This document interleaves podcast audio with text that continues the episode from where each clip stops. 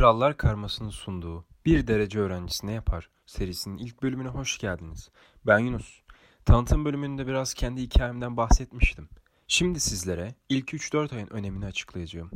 Kritik olan kısımları sizlerle paylaşacağım. Sınavda en kritik ders matematik. 2021 yılında sınavın zor oluşunda katkı payı çok yüksekti. Matematiği her iki sınavda da iyi yapabilmek için temellerimizin iyi olması gerekiyor. Bu yüzden ilk 3 ayda en kritik kısım TET matematik. Elbette diğer dersler de önemli. Buna lafım yok. Ama matematik ve geometriyi halletmek için gereken süreç daha fazla. TET matematiğe önemli dedik. Evet. Peki şimdi nasıl TET matematik çalışmalıyız? Nasıl götürmeliyiz? TET matematiği temeliniz yoksa iki kaynağı beraber götürmenizi öneririm. Sizi daha da geliştirir. Peki soruları nasıl çözmeliyiz derseniz sorulara bir 5 dakika uğraşıp ardından yapamayınca çözümünü izlemelisiniz.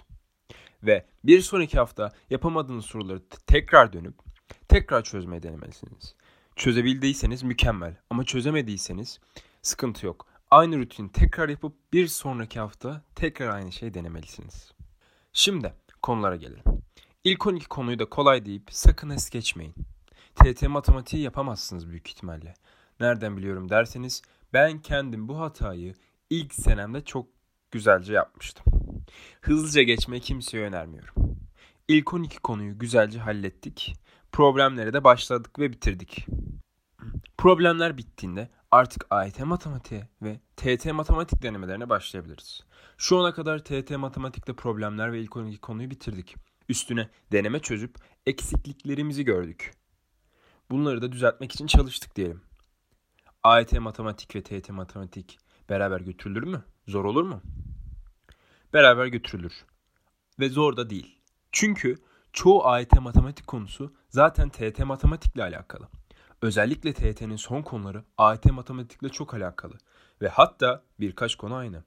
Bu yüzden problemler bittikten sonra sadece TYT'de kalan konuları bitirip diğer kalan kısımları da AYT'de işleyebilirsiniz ki vakitten tasarruf edin. Çünkü bu sene içinde diğer bir kritik şey de vakti verimli kullanmak. Neden böyle diyorum? Çünkü vaktinizi gerçekten verimli kullanırsanız diğer insanların uğraşıp çok uzun sürelerde yaptığı şeyleri siz daha kısa sürede yapabilirsiniz. Bu gerçekten güzel bir yetenektir ve öğrenildiği zaman sizi çok öne taşır. Zamanı verimli kullanmak üstünde bir sonraki bölümlerde mutlaka konuşacağız. Ayrıca AYT matematik ve kalan aylarda neler yapılması gerektiği üzerine de konuşacağız. Benim size tavsiyem konu basit diye üstüne gitmeden direkt geçmeyin. Öyle bir soru gelir ki şaşırıp kalırsınız, yapamazsınız ve pişman olursunuz. O yüzden her konuya eşit önemi gösterin. Çalışma saatleri üstüne daha detaylı bir bölüm gelecek merak etmeyin. Beni dinlediğiniz için çok teşekkür ederim. Bir dahaki bölümde görüşünceye dek kendinize çok iyi bakın. Güzelce çalışmaya devam, sağlıkla kalın, iyi çalışmalar diliyorum.